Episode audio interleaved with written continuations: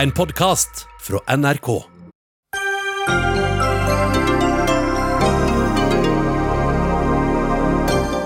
Stadig nye koronasmittede i Norge, men vi begynner å gå tomme for smittevernutstyr og viktige legemidler.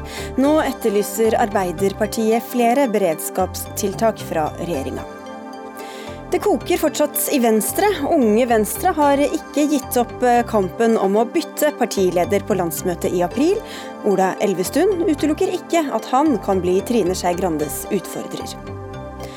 Norsk turistnæring opplever kanselleringer og bråstopp i booking. Situasjonen er dramatisk, sier NHO Reiseliv, som ber om ekstraordinære tiltak. Og foreldre i Kristiansand reagerer etter at en skoleklasse med tiåringer ble tatt med på en fotoutstilling i skoletiden. Et av bildene viser kunstneren halvnaken med en teddybjørn presset mot skrittet.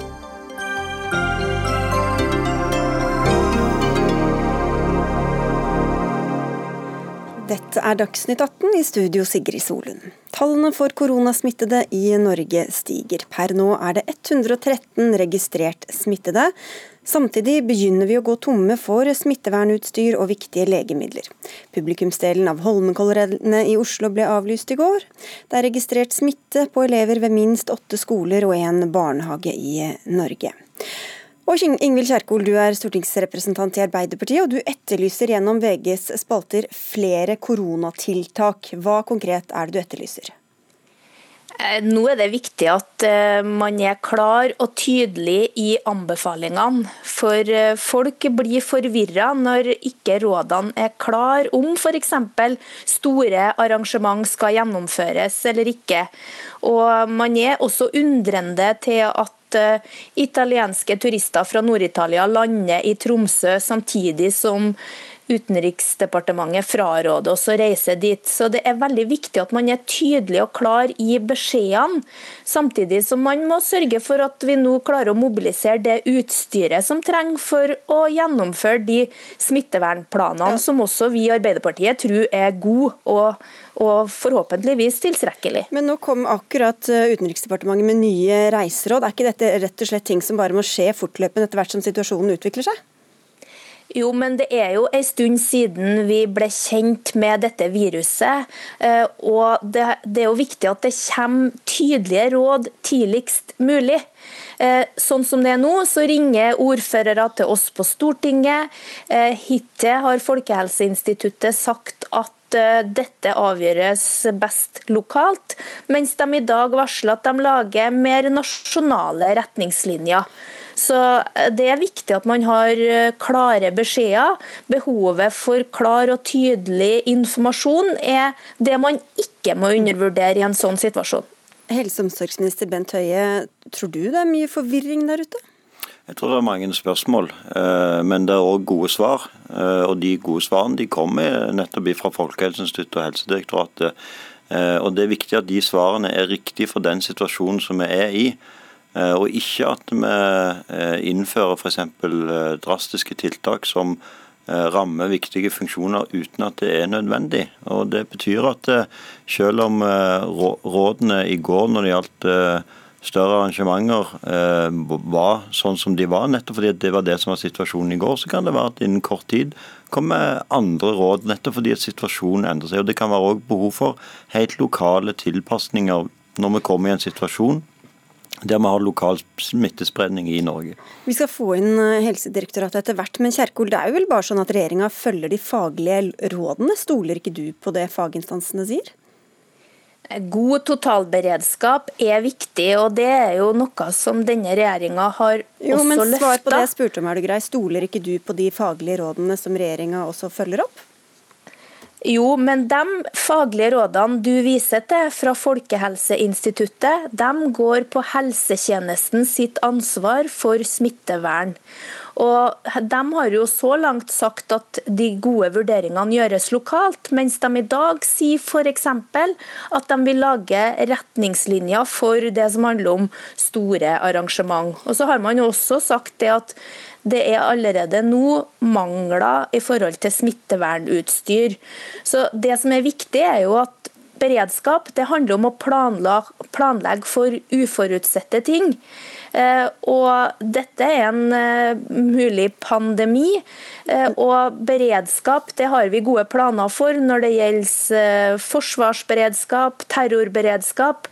Men denne type smittespredning som vi nå ser, den krever jo også tydelige signal for andre deler av sivilsamfunnet. Og når f.eks. Ja. store bedrifter som Equinor har andre reiseråd enn UD, så er det viktig med en klar stemme fra myndighetene. Ok, Du skal få svar på det siste, her, men ellers er jo dette faglige instanser som vi også skal få på plass her ja. senere. Men... Jeg må si at jeg er veldig overrasket over at Arbeiderpartiet i en sånn situasjon med nå velger å kritisere Helsedirektoratet og Folkehelseinstituttet på måten de håndterer denne situasjonen på. Det er en tid for alt, Kjerkol. Det, det, det er en tid for alt, Kjerkol. Det er en tid for alt. Det er helt åpenbart at når vi er ferdig med denne situasjonen, så skal alt evalueres. Det kommer til å være læringspunkter. Men at Arbeiderpartiet nå prøver seg i en sånn situasjon med å kritisere de som nå står og håndterer dette, det må jeg si jeg er dypt skuffa over. Okay, du skal få en kort kommentar til det, Kjerkol, før vi går videre her. Ja, vi gjør ikke det, eh, Arbeiderpartiet. Vi prøver å svare alle som spør etter beste eh, evne. Og det er ikke sånn at vi kritiserer Folkehelseinstituttet sine faglige råd. De er godt fundert i det som er de planlagte eh, tiltakene ved en sånn hendelse.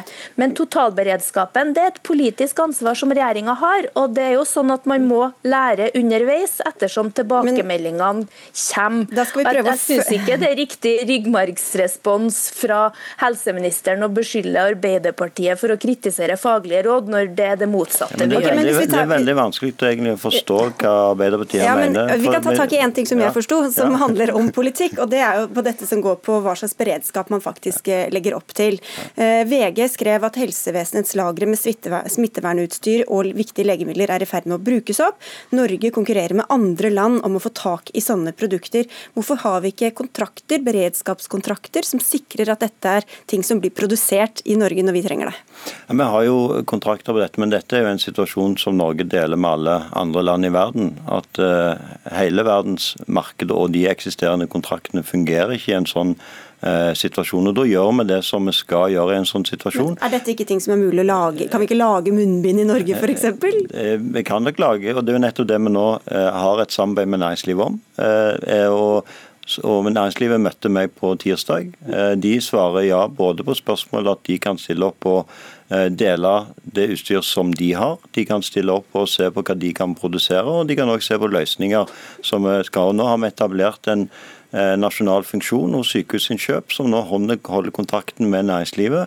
Samtidig som òg eh, behovet ute i kommunene blir koordinert eh, gjennom helseregionene og Sykehusinnkjøp for å nettopp løse den situasjonen, sånn at vi unngår å komme i en situasjon med mangel på utstyr. Men det kunne jo vært mange flere smitta. Det er jo ikke noe vi har kontroll over 100% så hvis, hvis, Nå sier helsedirektør også nei på spørsmålet, helsedirektør Bjørn Gullvåg, som vi snart skal få i studio, nei på spørsmålet om Norge har nok utstyr utstyr til smittevern. Hvorfor er det akseptabelt at det ikke veldig fort, da, når en situasjon kan eskalere, har det utstyret vi trenger? Ja, Det er jo nettopp det som er, situasjonen i hele verden på dette området. Eh, at eh, en er i en situasjon som òg Verdens helseorganisasjon sin generalsekretær sa, at vi har behov for å øke produksjonen av den type utstyr i verden med 40% og alle landene må, må inngå samarbeid med sitt næringsliv. Nå for å se på om en kan eh, få til resultater. og Det er nettopp det som òg Norge har gjort i den situasjonen. Ingvild Kjerkol, Hva konkret er det dere egentlig har tatt til orde for å gjøre som regjeringa ikke har gjort? I fjor, i 2019, så ba Arbeiderpartiet om at regjeringa måtte utrede hvilken kapasitet norsk industri har for å produsere kritiske legemidler og annet utstyr for å sikre forsyning og beredskap. Vi foreslo også at man måtte bruke beredskapslager i et større omfang enn i dag. Og da satt vi faktisk i det studio som du, programleder og helseministeren, sitter i nå. Eh, og da mente helseministeren at vi overdrev fordi dette dette hadde regjeringa god kontroll på. Mm. Jeg tror vi må planlegge for at sånne jeg tror vi må planlegge for at dette kan være ting som skjer også i framtida. Pandemi er en reell trussel og må reflekteres i hvordan man planlegger okay. beredskapen. Det er ikke opposisjonspolitikk.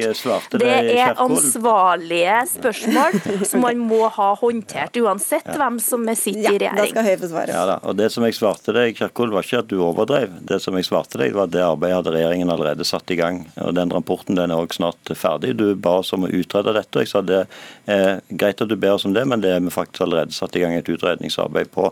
Og så er det sånn at eh, men Vi sto ikke klar da krisa kom, da? Nei, men det er jo ikke sånn at når vi da starter et utredningsarbeid, så er det ferdig. Eh, det, men det er nå snart ferdig. Men det som er viktig, er at vi allikevel selvfølgelig har eh, planer for å håndtere dette. Men på lik linje med alle andre land i verden, så er dette en utfordring som vi nå håndterer og som vi skal prøve å løse, ikke minst i samarbeid med norsk næringsliv som stiller opp. Men til slutt her, Høie, jeg skal bare følge opp det du sa også i stad, Kjerkol. For det er jo litt forvirrende å se at samtidig som eh, de aller fleste i Norge er smitta enten gjennom kontakt med noen som har vært i Nord-Italia, eller har vært i Nord-Italia selv, så går det fly fram og tilbake til eh, Italia og potensielt masse nye smittetilfeller. Hvorfor er det fornuftig?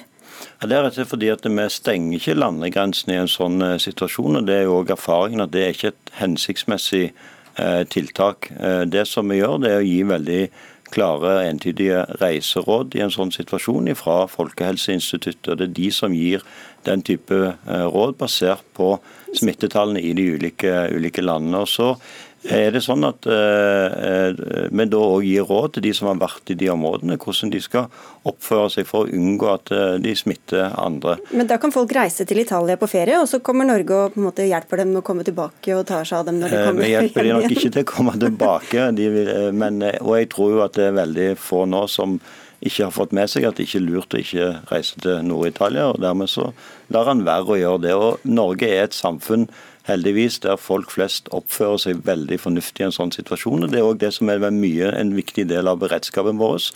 Når vi nå ber folk om å ta hensyn, unngå å bidra til at smitten sprer seg, vaske hendene godt, følge de rådene som gis av helsemyndighetene, så gjør de det. og Det er den viktigste beredskapen vi har i en sånn situasjon. Vi skal få helsemyndighetene inn her. Takk skal dere ha begge to, Bent Høie, helse- og omsorgsminister, og Ingvild Kjerkol fra Arbeiderpartiet.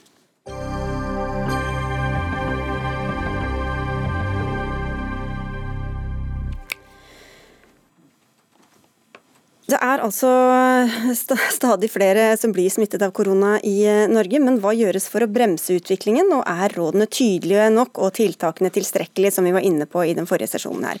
Bjørn Gullvåg, direktør for Helsedirektoratet. Aller først, den utviklinga vi ser nå, er det helt i tråd med hva dere hadde sett for dere og spådd?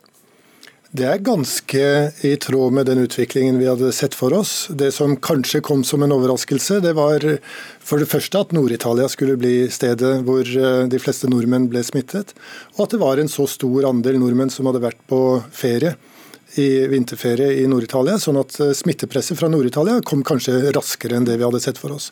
Men i det store og det hele så er dette et bilde som uh, var nokså likt det vi kunne forutse.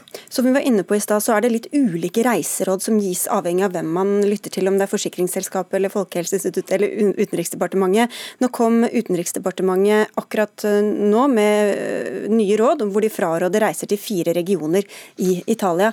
Hvem skal man lytte til når det kommer til disse reiserådene?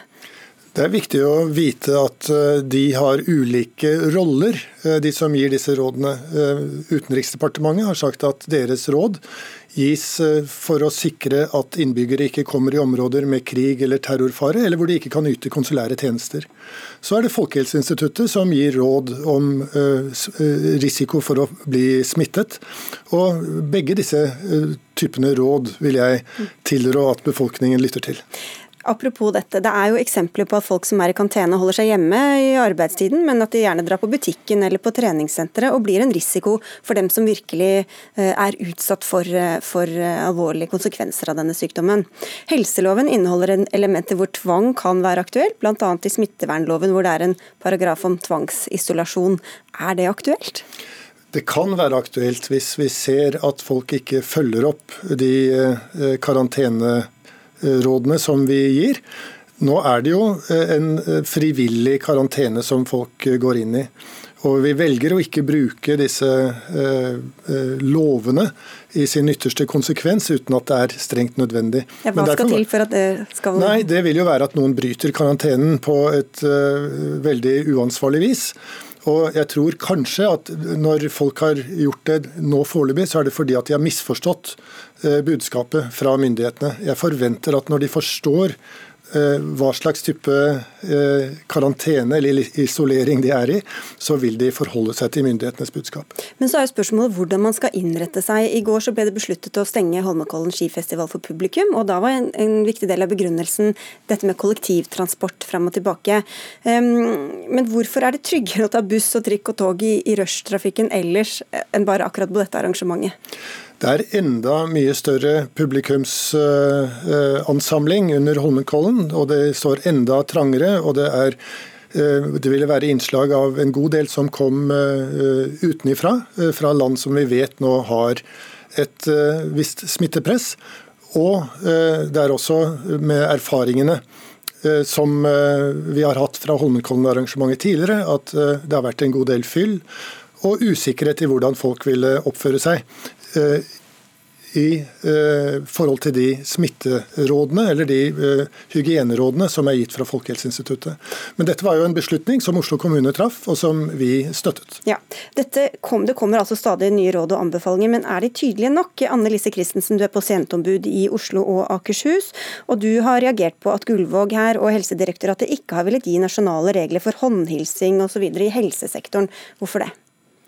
Eh, både helsepersonell og pasienter har kontaktet vårt kontor og opplever at informasjonen som kommer fra helsemyndighetene til dels er litt forvirrende. Eh, vår bekymring har vært at når det kommer litt ulike signaler, så mister på en måte de rådene som kommer noe av sin autoritet, og gjør kanskje at den enkelte treffer egne valg som ikke er i fellesskapets interesser. Vi har jo opplevd direkte motstridende råd mellom Folkehelseinstituttet og Helsedirektoratet når det gjelder karantenebestemmelser. Eh, vi kom med et forslag om at man skulle slutte å håndhilse. Det er sagt at det kan man velge på det enkelte sykehus. Jeg har masse tillit til de enkelte sykehusene i Norge, men jeg tenker at her ville man med fordel kunne hatt en helt klar og tydelig bestemmelse, sånn at vi hadde samme regler på alle sykehus. Det inngir tillit til befolkningen. Ja, hvorfor har vi ikke det, Gullvåg? Vi vil komme med de anbefalingene på det tidspunktet de er nødvendige. Og vi følger utviklingen hele tiden. Eh, jeg syns Annelise Christensen her beveger seg langt inn i smittevernfaglige vurderinger, som jeg er usikker på om eh, jeg er helt sikker på om hun skal. Altså Hun vet ikke hva hun snakker om? Nei, jeg mener at vi følger utviklingen her veldig nøye. Og vi har nå tiltak som er innrettet på å følge eh, individer som er smittet fortløpende.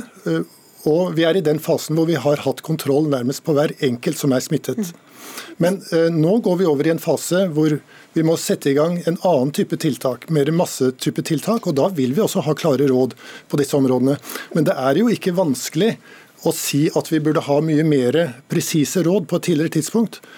Spørsmålet er om de vil være effektive på det mm. tidspunktet hvor de implementeres. Christensen.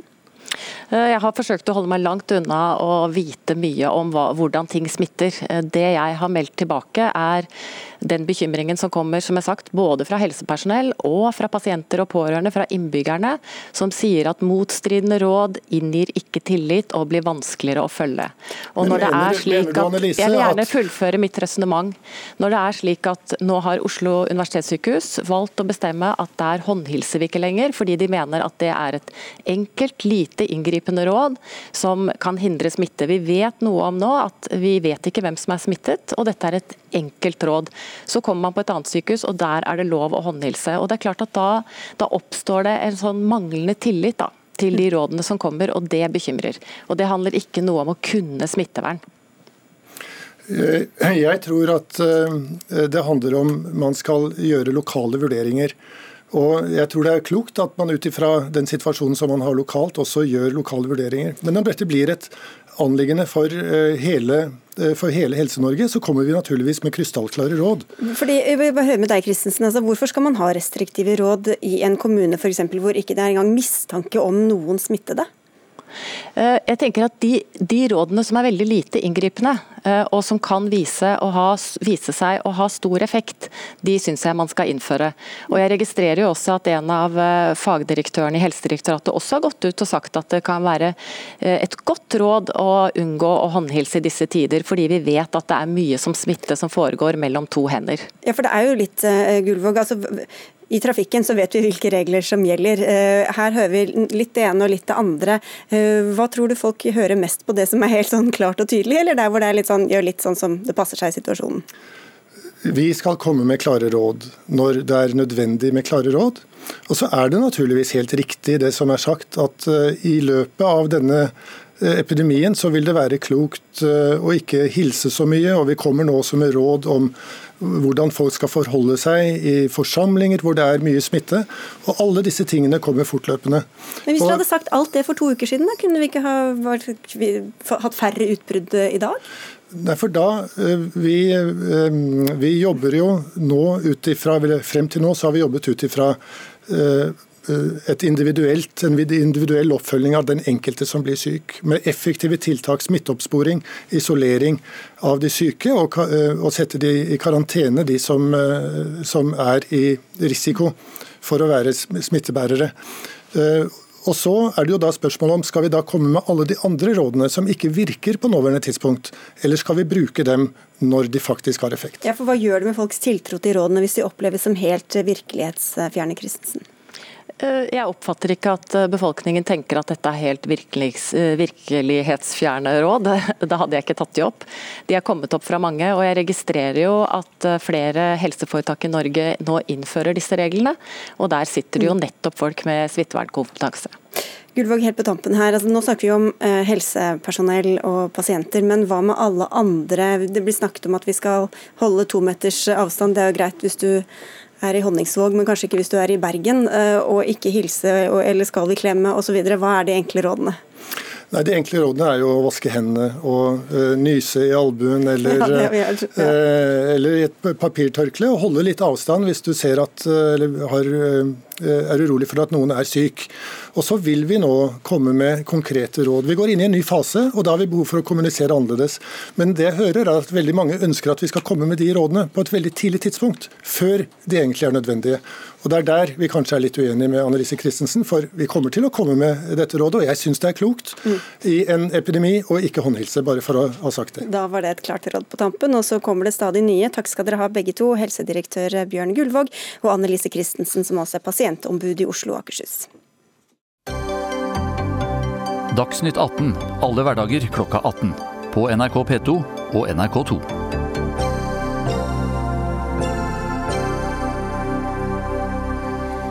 Om litt skal vi komme tilbake til koronaviruset og hva det gjør med reiselivsnæringa, men først til en annen føljetong.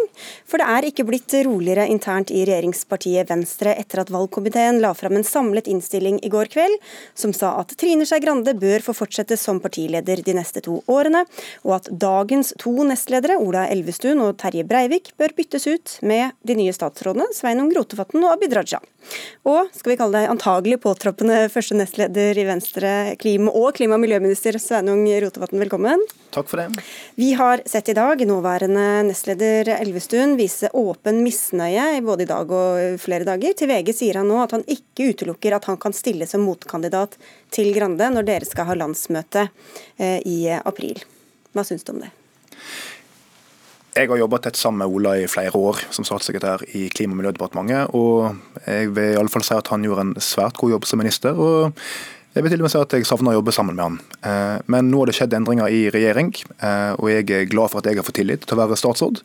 Eh, og jeg gjør så godt jeg kan i den jobben og håper jeg kan levere gode resultat. Og nå er jeg blitt spurt om å være nestleder i partiet. Så får vi se om landsmøtet er enig i det, men jeg er iallfall innstilt på å gjøre en god jobb for Venstre. Jeg er glad og takknemlig for å være innstilt. Jeg tror jeg har skrevet feil spørsmål her, for det var jo ikke det som jeg fikk noe svar på. Hva synes du om det Elvestuen går ut og sier? Eh, jeg tenker at når det er levert en innstilling, eh, og det står selvfølgelig enhver eh, i Venstre og delegat på landsmøtet fritt til å mene noe om den, og eh, til å stemme som de vil på landsmøtet. Slik er det i et demokratisk parti. Min rolle der er at jeg er innstilt til å bli valgt, og jeg håper selvfølgelig at landsmøtet velger meg. Ja, ok. Men hvis da Elvestuen går ut og åpent søker dette ledervervet, la oss si at Abid Raja da plukker opp hansken og gjør det samme. Hva gjør du?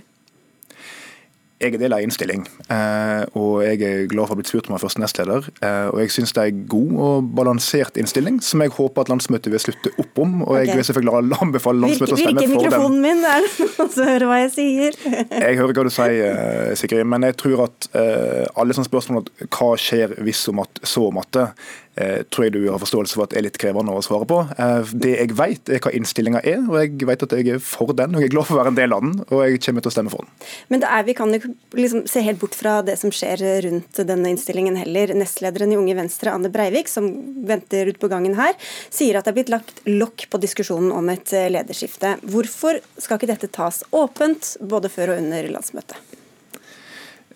Hvis det har vært lokk på diskusjonen om ledelse i Venstre de siste månedene, da er det i hvert fall et lokk med betydelige hull. For det har vært mye lederdiskusjon i Venstre i mange måneder. Eh, og Den har vært eh, intens, og mange har ment mye om den. og jeg må jo si For min egen del så er jeg glad for alle som har støtta meg og vil at jeg skal inn i ledelsen. Det syns jeg er oppmuntrende. og jeg er eh, veldig glad for at jeg er foreslått inn i ledelsen. Og så er det selvfølgelig opp til landsmøtet. Men de er jo skuffa over at de ønsker deg, altså både Unge Venstre og andre ønsker deg som ny leder. Hvorfor følger du ikke opp det de ber deg om? Altså jeg synes Det er veldig oppmuntrende at folk vil at jeg skal være med eh, videre i partiet. Men jeg eh, er glad for å bli spurt om å være første nestleder, eh, og jeg har overfor valgkomiteen uttrykt at jeg synes at Trine har gjort en god jobb som leder i Venstre, og at jeg tror hun kan gjøre en god jobb videre. og Derfor så kommer jeg til å støtte innstillinga på landsmøtet. Etter det NRK erfarer, så var det en implisitt avtale om at du skulle la dette partiledervervet fare hvis du fikk en posisjon som statsråd. Hva slags forståelse har du hatt med Trine Skei Grande om dette? Når jeg blir spurt om å være statsråd eh, av sin partileder og ikke minst av statsministeren, da handler det om hvorvidt de har tillit til at du kan gjøre en god jobb som statsråd. Eh, og Jeg ble spurt om å være statsråd, eh, og jeg tror det betyr nettopp det. Eh, jeg er glad for å ha fått den tilliten, og jobber hver dag for å gjøre meg fortjent til den. Men det er klart, hva diskusjoner jeg har med partilederen min og statsministeren i forbindelse med det, det kan jeg ikke kommentere. Nei, du, men du sa jo før dette at du ville stille deg til disposisjon i enhver rolle, inkludert da implisitt eh, vervet som, som, leder. Så hva fikk deg til å skifte mening, da? Du, Helt siden jeg meldte meg inn i dette, eh, noe jeg sikkert syns litt eh, bråkete og rare partiet, for en del år siden, så har jeg alltid sagt det samme til valgkomiteen i Venstre. Og det er at Jeg stiller meg til disposisjon for verv, og jeg har lyst til å være med og bygge partiet videre. Men det er klart, hva jeg da sier i diskusjoner med valgkomiteen om ulike verv og personer, og sånt, det må på en måte bli mellom meg og valgkomiteen. Jeg er glad for at de har funnet meg tilliten verdig til å være første nestleder i Venstre. og Hvis landsmøtet er enig med det, så er jeg veldig stolt og glad for det, og er klar til å gjøre en innsats. Men spurte jeg om det var aktuelt for deg å bli lederkandidat, da? Nei, som sagt, Hva diskusjoner som er i valgkomiteen mellom en kandidat og en valgkomité, de tror jeg bør være inne i valgkomiteen. Jeg er for glad for at de har spurt meg om å være første nestleder, og jeg har takka ja til det. Men landsmøtet bestemmer. Jeg har forklart igjen en innsats videre for å løfte Venstre godt over sperregrensa i valget 2021, og få regjeringa gjenvalgt og fortsette å levere god politikk. Men eh, altså, eh, I Politisk kvarter i dag morges så sa da partileder Trine Skei Grande at det har vært mye kniving og knuffing mellom deg, henne og Abid Raja. Hva gikk det ut på? Ja, Det tror jeg du må spørre Trine om. Eh, jeg, ja, alle har jo fått med seg at det har vært en del um, vi får si uh, saker om både Trine og Abid over en tid. Jeg oppfatter at de to har skværa opp, og at de jobber godt sammen. Jeg jobber også godt sammen med de to. Vi har nå vært i regjering sammen i noen uker. det har fungert veldig bra. Jeg tror det kommer til å fungere bra også med oss som leder trio i partiet, hvis det er det partiet vil på landsmøtet. Eh, og Vi er jo litt ulike personer, jeg og Abid og Trine, men vi vil alle det beste for Venstre. Og vi ønsker at dette partiet her skal eh, leve og gjøre det godt framover og levere god politikk i regjering. og Det tror jeg vi tre skal klare sammen. Men hvorfor mener du da at Trine Skei Grande er den beste til å lede partiet videre? Trine har sørga for at vi har gjort flere gode valg på rad. Hun har tatt oss inn i regjering. Vi har nå den regjeringa som venstrefolk ønsker å ha. Jeg merker også et visst stemningsskifte i partiet etter at du fikk en regjeringsomrokering nå, og at vi nå sitter der med Kristelig Folkeparti og Høyre. Eh, så jeg tror at eh, mange i Venstre nå er klare til å gå videre. Eh, og Trine tror jeg kommer til å gjøre en god jobb også i fortsettelsen. Og så er det selvfølgelig landsmøtet som får siste ord. Men vil du da appellere og be andre i Venstre om å ha ro før landsmøtet? Jeg vil be alle i Venstre om å lese innstillinga for valgkomiteen. det tror jeg ikke de trenger, for den har du nevnt ja, 18 kan, ganger. Ja, men for, så, så må de vurdere om de er enig i den. Eh, men det jeg sier er at jeg er, jeg er veldig glad for å bli spurt. Okay, men for å spørre Annelisa, Hva mener ja. du partiet trenger nå? Jeg tror at det partiet trenger nå, det er eh, å bli ferdige med disse diskusjonene om verv. Det kommer vi til å bli ferdige med på landsmøtet. Eh, og etter det så er det én ting som gjelder, og det er å fortsette å levere god venstrepolitikk i regjering. Det er å gjennomføre det grønne skiftet, det er å få mer kunnskap i skolen og hjelpe de som sliter i samfunnet, og ikke minst vinne valget i 2021. Eh, og Da trenger vi selvfølgelig gode folk på riktig plass, og jeg tror at valgkomiteen har levert en innstilling som gir oss nettopp det, men landsmøtet bestemmer. Okay. Vi skal ikke avslutte, oss, eh, avslutte diskusjonen om Venstre riktig ennå, men du syns ikke det er helt naturlig å bli med videre i denne debatten, ettersom du, som vi nå har fått med er innstilt som første nestleder fra valgkomiteen. Sveinung Rotevatn, du skal få ta helg. Takk for at du kom hit. Takk for meg. Fordi Valgkomiteens løsning skulle jo fungere samlende, og målet var å få ro i partiet, men vi kan vel ikke helt si at det har skjedd. I tillegg til Elvestuens utspill er det altså andre ute og kritiserer prosessen. To av dem er kommet inn hit nå. Ane Breivik, leder i Bergen Venstre og første nestleder i Unge Venstre. Jeg nevnte deg i stad, dere har ønsket Rotevatn som ny leder. Er du skuffet over at han ikke tar opp kampen? Tja, jeg kan jo starte med å si at uh, akkurat nå er jeg mest av alt bekymret for Venstre. Fordi vi er et parti i krise. Vi har sett meningsmålinger på ett-tallet. Vi har tapt sakseierskap til flere viktige profilområder. Velgerne vet ikke lenger hva vi står for, og partiorganisasjonen har vært tydelige på vårt behov for fornyelse og ny politisk kurs. Og jeg savner mest av alt en sunn og åpen diskusjon om hvilken kurs Venstre skal stake ut, og hvilket politisk veivalg vi skal ta, og det burde også innebære en lederdebatt. Men det var du som altså sa dette med at det er blitt lagt lokk på diskusjonen om lederskifte. Det var i så fall et lokk med store huller, hørte vi Rotevatn si her nå. Hva er det du mener med det egentlig?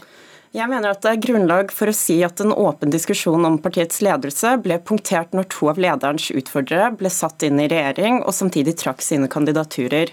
Dette gir partidemokratiet minimalt med mulighet til å påvirke hvem som skal lede dette partiet. Og I lys av at organisasjonen har vært så tydelig i retning av at vi ønsker fornyelse, så mener jeg at dette er problematisk. Ikke minst så mener jeg at tiden er inne for å eh, slippe til nye krefter, bygge nye profiler og stake, stake ut en ny politisk kurs for partiet Venstre. Men Hva er valgkomiteens rolle her, da, mener du? Jeg synes at valgkomiteens arbeid til nå har vært honnørverdig. De har besøkt ulike fylkes- og lokallag og samlet inn innspill fra den brede organisasjonen.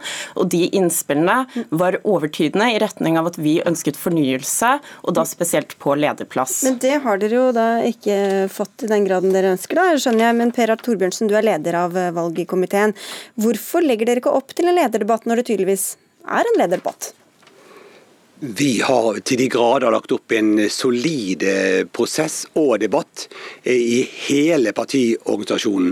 Og vi har sittet i minst ti møter og sannsynligvis 50-60 timer og diskutert akkurat dette. Det er nå engang vårt mandat som skal legge fram denne innstillingen. Og så får denne debatten komme nå. Det syns jeg er helt uproblematisk. Det syns jeg er helt greit.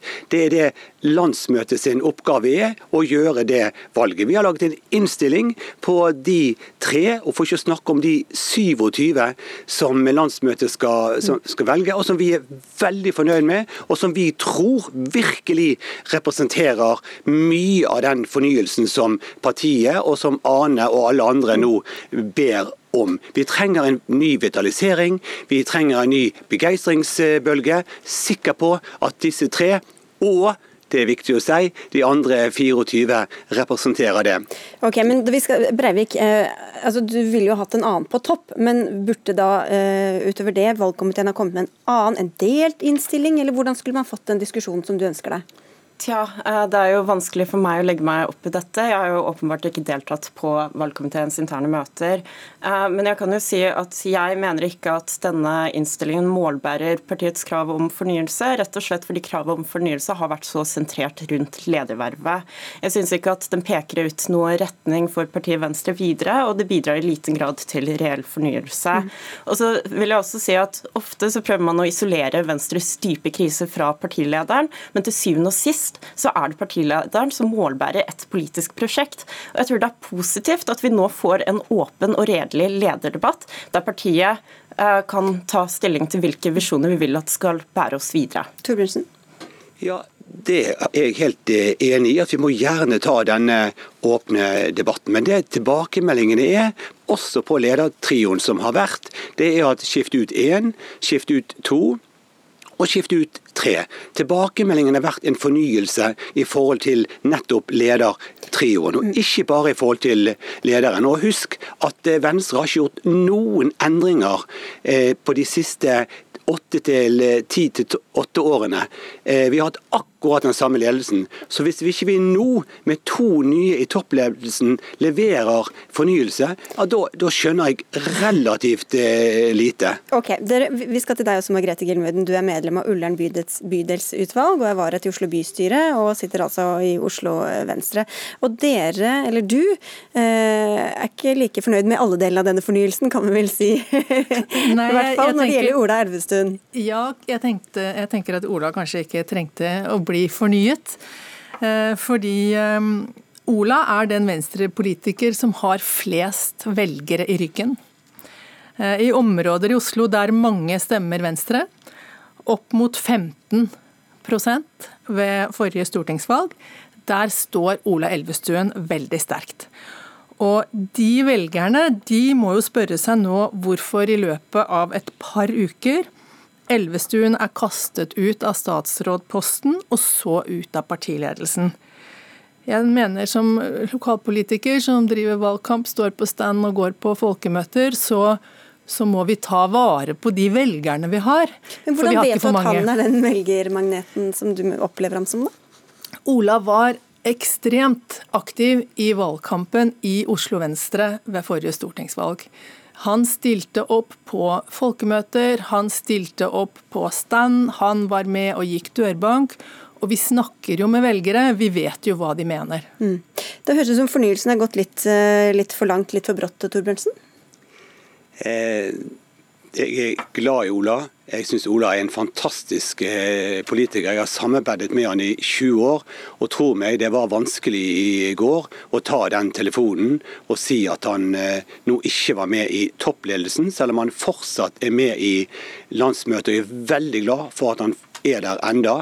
Og når Ole har gjort gode valg sammen med Oslo eh, Venstre, så har ikke det nødvendigvis vært ut fra statsrådposten. Det har vært ut ifra at han har vært byråd, bystyrerepresentant og ikke minst stortingsrepresentant. Det er jo han fortsatt. Jeg er sikker på at Ola kommer til å gjøre gode valg i Oslo okay. i, i Vi følger opp den, for akkurat når det gjelder dette med stortingsrepresentant. Det var et uh, møte i Oslo Venstre i går hvor uh, dere valgte nominasjonskomité for arbeidet med hvem som skal stå på lista og hvem som skal stå hvor på lista til Stortinget Stortinget neste år. Da ble Halstein Bjerke valgt til leder av komiteen etter at han hadde sagt at han ville vrake Trine Skei Grande. Det er jo ikke sånn at det kommer inn veldig mange mennesker, antagelig, sånn som det ligger an nå i hvert fall, på Stortinget fra Venstre. Hvem mener du er viktigst å få inn på Stortinget? Oi, Den er ikke jeg forberedt på å svare på. Men det jeg vet, da, det er at uh, jeg kan snakke som lokalpolitiker der hvor jeg Eh, der hvor jeg eh, er. Og, og det, de velgerne jeg snakker med, så, så, står som sagt Ola Elvestuen veldig sterkt. Men det er jo Trine Skei Grande han konkurrerer med om førsteplassen i så fall. Da. Ja, så der kan du, dere gå med på å liksom nominere en annen enn partilederen? og Kanskje da med den følge at partilederen ikke kommer inn på Stortinget? Ja, Nå sitter ikke jeg i den nominasjonskomiteen, så dette får du nesten spørre dem om. Men jeg kan egentlig bare snakke på vegne av de, Jeg kan dele de observasjonene jeg gjør eh, i det lokalmiljøet der jeg er. Mm. Hva gjør dere i Unge Venstre Breivik hvis det nå blir en eh, kampvotering på landsmøtet? Det har ikke vi tatt stilling til, og det blir litt vanskelig for meg å spekulere i hva vi eventuelt ville gjort. Vi må ta det som det kommer. Mm. Eh, men Torbjørnsen, altså det er jo det Elvestuen har sagt, at han er åpen for en potensiell kampvotering. Og det kan jo få en slags dominoeffekt. Hva sier det om jobben dere har gjort, dersom det blir resultatet? Ja, Det er jo ikke for ingenting at eh, partiene har valgkomiteer. Nettopp for en å skape en geografisk bredde, skape god kjønnsbalanse, sette sammen det beste teamet eh, totalt sett og helhetlig. Og Det er jo det vi har eh, gjort. Eh, enkel, enkeltbenkinger kan jo forrykke denne eh, balansen. Men det er legitimt. Jeg har vært med på det sjøl og til og med vunnet fram. Så det er nå en del av eh, det å ta ansvaret på, på, på landsmøtet og sette sammen det landsmøtet mener er den rette partiledelsen. Okay, vi skal gi oss straks, men bare helt til slutt Breivik, til det som han var inne på her også, nemlig kjønnsbalanse. Det virket ikke som du var veldig eh, imponert over kvinnesatsinga fra, fra valgkomiteen her? Nei, eh, jeg tror Venstre fortsatt har et sterkt behov for å bygge, bygge opp eh, sterke, flere sterke kvinnelige eh, profiler i Venstre. og Det ser vi jo klart på den stortingsgruppen vi har i dag. Der det er en svært skjev kjønnsbalanse. Så jeg håper vi kan fokusere mer på det i tiden fremover også. Okay. Men vi har faktisk en veldig god kjønnsbalanse, over 50% både i sentralstyret og i landsstyret eh, i, i, sin hele. Så, så den er vi særdeles fornøyd med. Det kan bli mange spennende runder fremover. Takk skal dere ha alle sammen. Alle fra Venstre, det er ikke så ofte. Margrethe Gilmeden, Ane Breivik, Per A. Torbjørnsen og ikke minst Sveinung Rotevatn som var her i stad. Takk skal dere ha.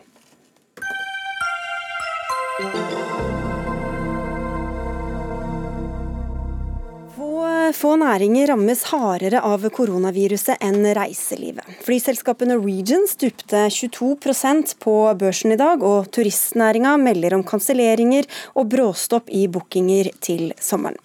Dere kaller situasjonen dramatisk, Ole Mikael Bjørndal, du er næringspolitisk fagsjef i NHO Reiseliv. Beskriv hva som skjer nå i eh, hotell- og serviceindustrien som du representerer. Ja, eh, Reiselivet er jo ca. 175 000 ansatte i Norge totalt. og Vi har en omsetning på ca. 200 milliarder i året, eh, og det har vokst mye det siste. Vi er en veldig viktig sysselsetter. Eh, og denne situasjonen har eh, fra den kom nå for da en fire-fem uker siden, eskalert, og den siste uken så har den eskalert kraftig. Eh, og mens jeg satt ute her og ventet på å komme inn, så kom det jo da et permitteringsvarsel, en push-varsel om at det er, det er permittering på, på, Plaza. Det er blitt permitteringsvarsel der. Og nå kommer det da permitteringsvarsler eh, rundt omkring, og det er egentlig alle mine medlemsmasser og de segmentene vi har, både overnatting og servering, bilutleie, festivaler, er, er rammet og er bekymret. Så hva etterlyser dere da? Vi eh, etterlyser eh, flere ting. Eh, det som vi først og fremst vil si til myndighetene, er jo at de må følge denne situasjonen tett. Og så får man kanskje den første rundingsbøyen sånn, for å gjøre noe med, med, vilkårene her, vil være i revidert nasjonalbudsjett. Da kan man se på fordi vi vet jo ikke helt hvordan dette vil slå ut nå, og hvor lenge det, det går, dette her. Det vi må sørge for, er at den dagen hvor korona er over, så må vi jo fortsatt ha et livskraftig reiseliv i, i det landet her. Ja, når du sier vilkår, hva, hva viser du Nei, til det? kan være f.eks. Eh, moms, som kan reverseres tilbake til 8% som det var i 2016, eh, som et avhjelpende tiltak. En annen ting som er veldig vanlig, er at staten går inn og dekker eh, arbeidsgivertiden på permitteringen. Det har man gjort før i økonomiske konjunkturtider. Mm. Sånn at staten kommer inn og tar de utgiftene som er der. For det er jo sånn at 40% av kostnadene til overnattingsbedriftene er lønn. Og da Hvis med permittering så kan du risikere opptil fem ukers betaling for det. og da Hvis inntektene, eh, eller behovet for arbeidskraft faller bort og inntektene dine heller ikke er der, så, så må du permittere. og da, da vil jo også da den økonomiske bærekraften din ryke ganske raskt. Jeg sa i stad at vi var ferdig med Venstre, men det er vi jo slett ikke. For vi har med oss deg, Iselin Nybø, næringsminister. Du, du møtte reiselivsorganisasjonene i går for å drøfte situasjonen. og Hva svarer dere på de bekymringene de kom med da, og de kom med her i studio? Ja, det er helt riktig. Jeg syns vi hadde et godt møte i går der både NHO og Virke og flere eh, var til stede. Både for å snakke om hvordan situasjonen er akkurat nå, men òg litt om hva bekymringer de har framover. For det med reiseliv er jo en global bransje, og de har merka koronaviruset veldig raskt. Eh, og, og har noen, noen bekymringer framover. Så eh, det viktigste budskapet mitt, som det òg blir sagt her nå i studio, det er jo nettopp at regjeringen følger følger, følger, situasjonen tett, og vil jo vurdere bl.a. opp mot, mot, revidert eh, nasjonalbudsjett. Men, men, eh, det er vondt å si nå hvordan dette vil utvikle seg videre, men vi, vi følger situasjonen. Men hva følger tett, det hjelper vel egentlig ingenting? Nei, altså det, det, er jo ikke eh, Hva skal jeg si? Det, vi, vi, kan ikke si nå, vi kan jo ikke vite nå hvordan dette kommer til å utvikle seg. Og det er reiselivsbransjen som sådan er en mangeslungen bransje med alt fra, fra hoteller, fra store aktører til bitte små aktører. Og, og, dette kommer til å slå litt, eh, litt ulikt ut. Så akkurat nå så var det viktig for meg å ha dialog med bransjen for å høre hvor skoen trykker. Og så òg at de vet at vi, vi følger saken tett og vil vurdere dette opp mot, eh, mot revidert. Altså, alle snakker for sin egen syke mor, Bjørndal, men det er jo mange andre næringer også som kan bli skadelidende hvis dette blir en langvarig situasjon. Skal alle få avgiftslette, momslette, spesielle tiltak? Nå er vel Det som er viktig i en sånn ekstraordinær situasjon som vi er nå, det er å komme med målrettede tiltak på de bransjer som, som blør. Og det er, eh, Vi ser jo særlig luftfarten, og så har vi særlig reiselivet er de eh, som, som, man merker her. Og så har man i tillegg en del andre, som f.eks. sjømat, har også merkekonsekvenser. Men vi kan jo dra en parallell, eller to paralleller kan vi dra. Vi kan se på den ekstremsommeren vi hadde i 2018. og Da fikk bøndene til sammen 525 millioner i ekstra bevilgninger bevilgninger for å avhjelpe det. I 2019 så hadde da vi algeoppblomstring i laksenæringen, og da fikk eh, laksenæringen eh, bedre, eller avhjelpende tiltak for det, sånn at de kunne opprettholde aktiviteten. Men Er det det samme primærnæringen som med f.eks. feriereiser? Skal man være like altså, raus med Dette er 175 000 ansatte i alle norske kommuner. Det er 4,4 milliarder i rene skatteinntekter bare til kommunene. Dette er, Det er stort og smått som rammes også. Eh, og det er faktisk ganske viktige Eh, altså De distriktshotellene vi har, det er hjørnestensbedrifter i svært mange kommuner. Så dette handler faktisk om å opprettholde sysselsetting rundt omkring i landet. fordi som vi vet, Først så kommer permittering, og deretter så kan det komme konkurser og oppsigelser. Ja, Nybø, Er det aktuelt? Eh, du, du nevnte selv også uh, revidert nasjonalbudsjett, men, men det f.eks. å senke momsen, er det et virkemiddel dere snuser på? Altså, Jeg har ikke lyst til å gå inn på, på hva ulike virkemidler som vi kommer til å, til å, gjøre eller ikke gjøre. for Det er jo, det er jo en vurdering vi må gjøre fram mot eh, revidert. Men det som allerede skjer, eh, og det snakket vi om også på dette møtet i går, det er hva gjør vi når, når eh, folk ute i verden ikke vil komme til Norge? Da må vi prøve å få norske og skandinaviske turister til å reise rundt i Norge. Så, så vårt virkemiddelapparat, altså Innovasjon Norge, jobber jo nå med det. Og, og flytte ressursene sine over. sånn at vi kan drive mer markedsføring mot, det er veldig på, lang, på lang sikt også. Altså, allerede ja, er det veldig mange nordmenn som reiser rundt. Hvordan, altså, dette, nå, hvis de allerede nå har begynt å permittere, hva er de tiltakene man eventuelt kan vurdere på kort sikt? Ja, for det første så mener jeg ikke det på lang sikt. Vi snakker jo nå om våren og om sommeren. Eh, for det er jo klart, eh, nordmenn, nordmenn kjenner òg på den frykten. Det er jo ikke bare utlendinger som ikke eh, kommer til Norge, det er jo òg nordmenn som kjenner på den frykten og gjerne ikke har lyst til å reise ut til utlandet. Der Norge da kan være et, ja, et fristende alternativ for mange. Men da, da må vi òg rette ut noen tiltak mot de. Så det er de tingene vi begynner å jobbe med nå. Og så er det tiltak som vi må vurdere mer framover. og som blir sagt i studio, altså rundingsbøyen er eh, i revidert eh, nasjonalbudsjett. og det, ja, det vil vi jo komme tilbake igjen til etter hvert. Men, mm. men nå følger vi vi følger situasjonen tett. Vi har dialog med bransjen. Eh, og vi er opptatt av å høre hva, hva det er som bekymrer dem, men òg å mm. få deres innspill. Ja, altså Rundingsbøyen er nasjonalbudsjett, men man har eh, denne med, med permittering synes, og arbeidsgiverperioden der syns jeg man skal vurdere ganske fortløpende og egentlig med en gang. For det, dette skjer her og nå. Eh, og det vi, også, det vi vet er at dette kommer jo på i, begynte på, i lavsesongen for veldig mange, og så er vi nå på vei inn i starten av høysesongen. Eh, og det er i det svært viktige konferansemarkedet mai-juni, hvis det begynner å gå ut av der, da kan vi stå altså på hvis, da er det ikke kortsiktig og eller lang sikt, da står vi der plutselig med en del hoteller som er stengt om et halvt år. Ja, Fordi driftsmarginen i reiselivet altså dette for overnattingsbedrifter den er 0% Det er Én av tre hoteller går med underskudd allerede. Så da er det ikke tid til å vente da, Nybø? Ja, Det er jo nettopp derfor jeg ønsket å ha det møtet. For jeg ønsket å høre hva er problemet nå. Eh, og hva er problemet framover. Og da er, jo, da er jo En ting er det vi står i nå, men det er jo den bekymringen for hva som kan skje framover. Og der har vi ikke noe svar på ennå, men vi må holde fortsatt god dialog eh, og, og, følge med på hva som, altså hvordan bevegelsene er framover. Mm. Okay, men du nevner jo dette med, med arbeidsgiver, eh, eller de, den tiden, det er de fem ukene, Bjørndal. Men momsen, altså hvorfor er det et godt tiltak å endre en permanent ordning for en begrensa situasjon? Det handler om å redusere utgiftene til, eh, til hotellene. Altså, du har jo eh, permittering, eller Ansatte utgjør da 40% av kostnadene, og så har du jo da en del eh, skatter, formuesskatt, du har vanlig inntektsskatt, og så har du moms. Og Momsen vet vi er noe som ble Den har blitt økt med 50 nå de siste to årene. Altså Dere er jo imot i utgangspunktet? Ja, det er jo imot i utgangspunktet, men den, det vi ser at den hadde direkte effekt på driftsmarginen, så de har og heller ikke klart å hente igjen på pris på, på den økningen. Så det vi ser nå er at eh, de har rett og slett ikke mer marginer igjen. og Dermed så vil det være et avhjelpende tiltak at man da ikke får en redusert betaling til staten i en ekstraordinær situasjon, som dette jo er. Ok, på tampen her, Nybø, Er du redd for den presedensen det eventuelt kan sette? Altså, Vanligvis så bruker vi jo ikke skatte- og avgiftsregimet vårt til å håndtere problemer eller utfordringer som, som dette koronaviruset er. Men det, er, det kan være behov for å, for å iverksette visse tiltak.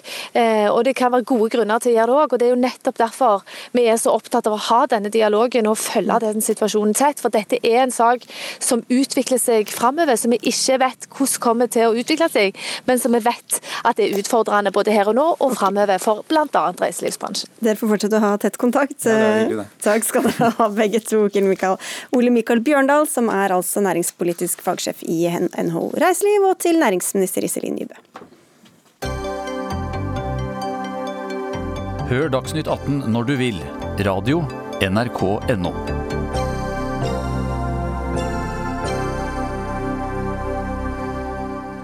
Sørlandets kunstmuseum har invitert skolen i området til å sende elevene på utstillingen Dry Joy av den finske samtidskunstneren Ju Susi Raja.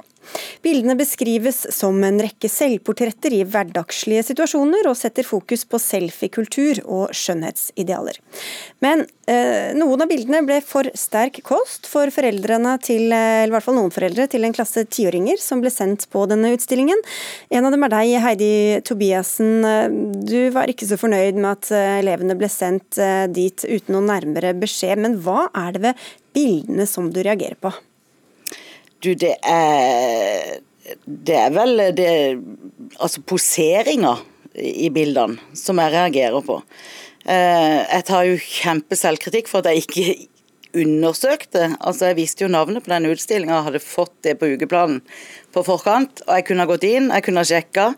For meg personlig så hadde det holdt å se første bilde før jeg hadde vurdert dette som eh, uaktuelt for mitt barn. Mm. Jeg vet ikke om den beskrivelsen jeg ga var helt dekkende, Mona Palle Bjerke. Vi ser ikke helt bildene for oss. Du er høyskolelektor ved Kunsthøgskolen i Oslo og kunstkritiker i NRK. Men kan du gi en nærmere beskrivelse også av den utstillinga? Altså, Lio Io Susiraya hun eh, eksponerer sin sterkt overvektige kropp eh, og viser gjennom sin egen kropp et utenforskap. Eh, hvordan på en måte det er å ikke passe inn i en kroppslig norm. Hun bruker f.eks. en kost under puppene. Hun har teipet høyhælte sko til sine da tykke legger for å vise liksom helt, det helt umulig, det helt åpenbart umulig å få presset føttene ned i disse feminitetssymbolene. Og Det er jo ganske sterkt, fordi jeg, tenker, jeg tenker at denne kritikken er helt skivebom, egentlig. Altså, for vi lever i en helt gjennomseksualisert virkelighet. Og de seksuelle referansene i dette bildeuniverset er jo veldig subtile. Det, er, det handler ikke om sex, det handler om uh, kropp og som sagt om utenforskap. Og jeg tenker at det er en veldig sår, eh, men også humoristisk eh, og veldig sånn selvironisk måte hun tematiserer dette veldig viktige. At eh, når med en gang man er over en viss vekt, så er man på en måte litt utenfor. Og det er jo egentlig dette hele denne kritikken også viser. At vi vil ikke se den overvektiges kropp. Det er sånn, Du kan gjerne være tykk, men altså pakk deg for guds skyld inn. Ikke vis lårene dine hvis du er såpass tykk. Og jeg syns jo det egentlig er viser viktigheten av dette kunstprosjektet. fordi at det er jo, altså Overalt så finnes det mye mye, mye mer seksualiserte bilder, og vi mm. klarer ikke skjerme barna våre for all den posering og alle de lårene og puppene som finnes mm. overalt. Nettopp. De, de, som følger oss på TV har fått se en del av bildene, men Tobiassen, er det, det er jo veldig mye nakenhet i kunst og i reklame overalt i samfunnet. Er det dette med overvekten som, som gjør at dere reagerer, eller? Nei. Nei, det er faktisk ingen av foreldrene som har reagert på overvekten. Vi er mange som er overvektige, og alle kropper er helt naturlige. Eh, for meg så kunne Sørlands kunstmuseum gjerne stilt ut 1000 bilder av diverse nagne kropper, hvis det var en normal posering. Hvor barna kunne møte normale kroppsfigurer. Alt dette er normalt, alt dette er greit.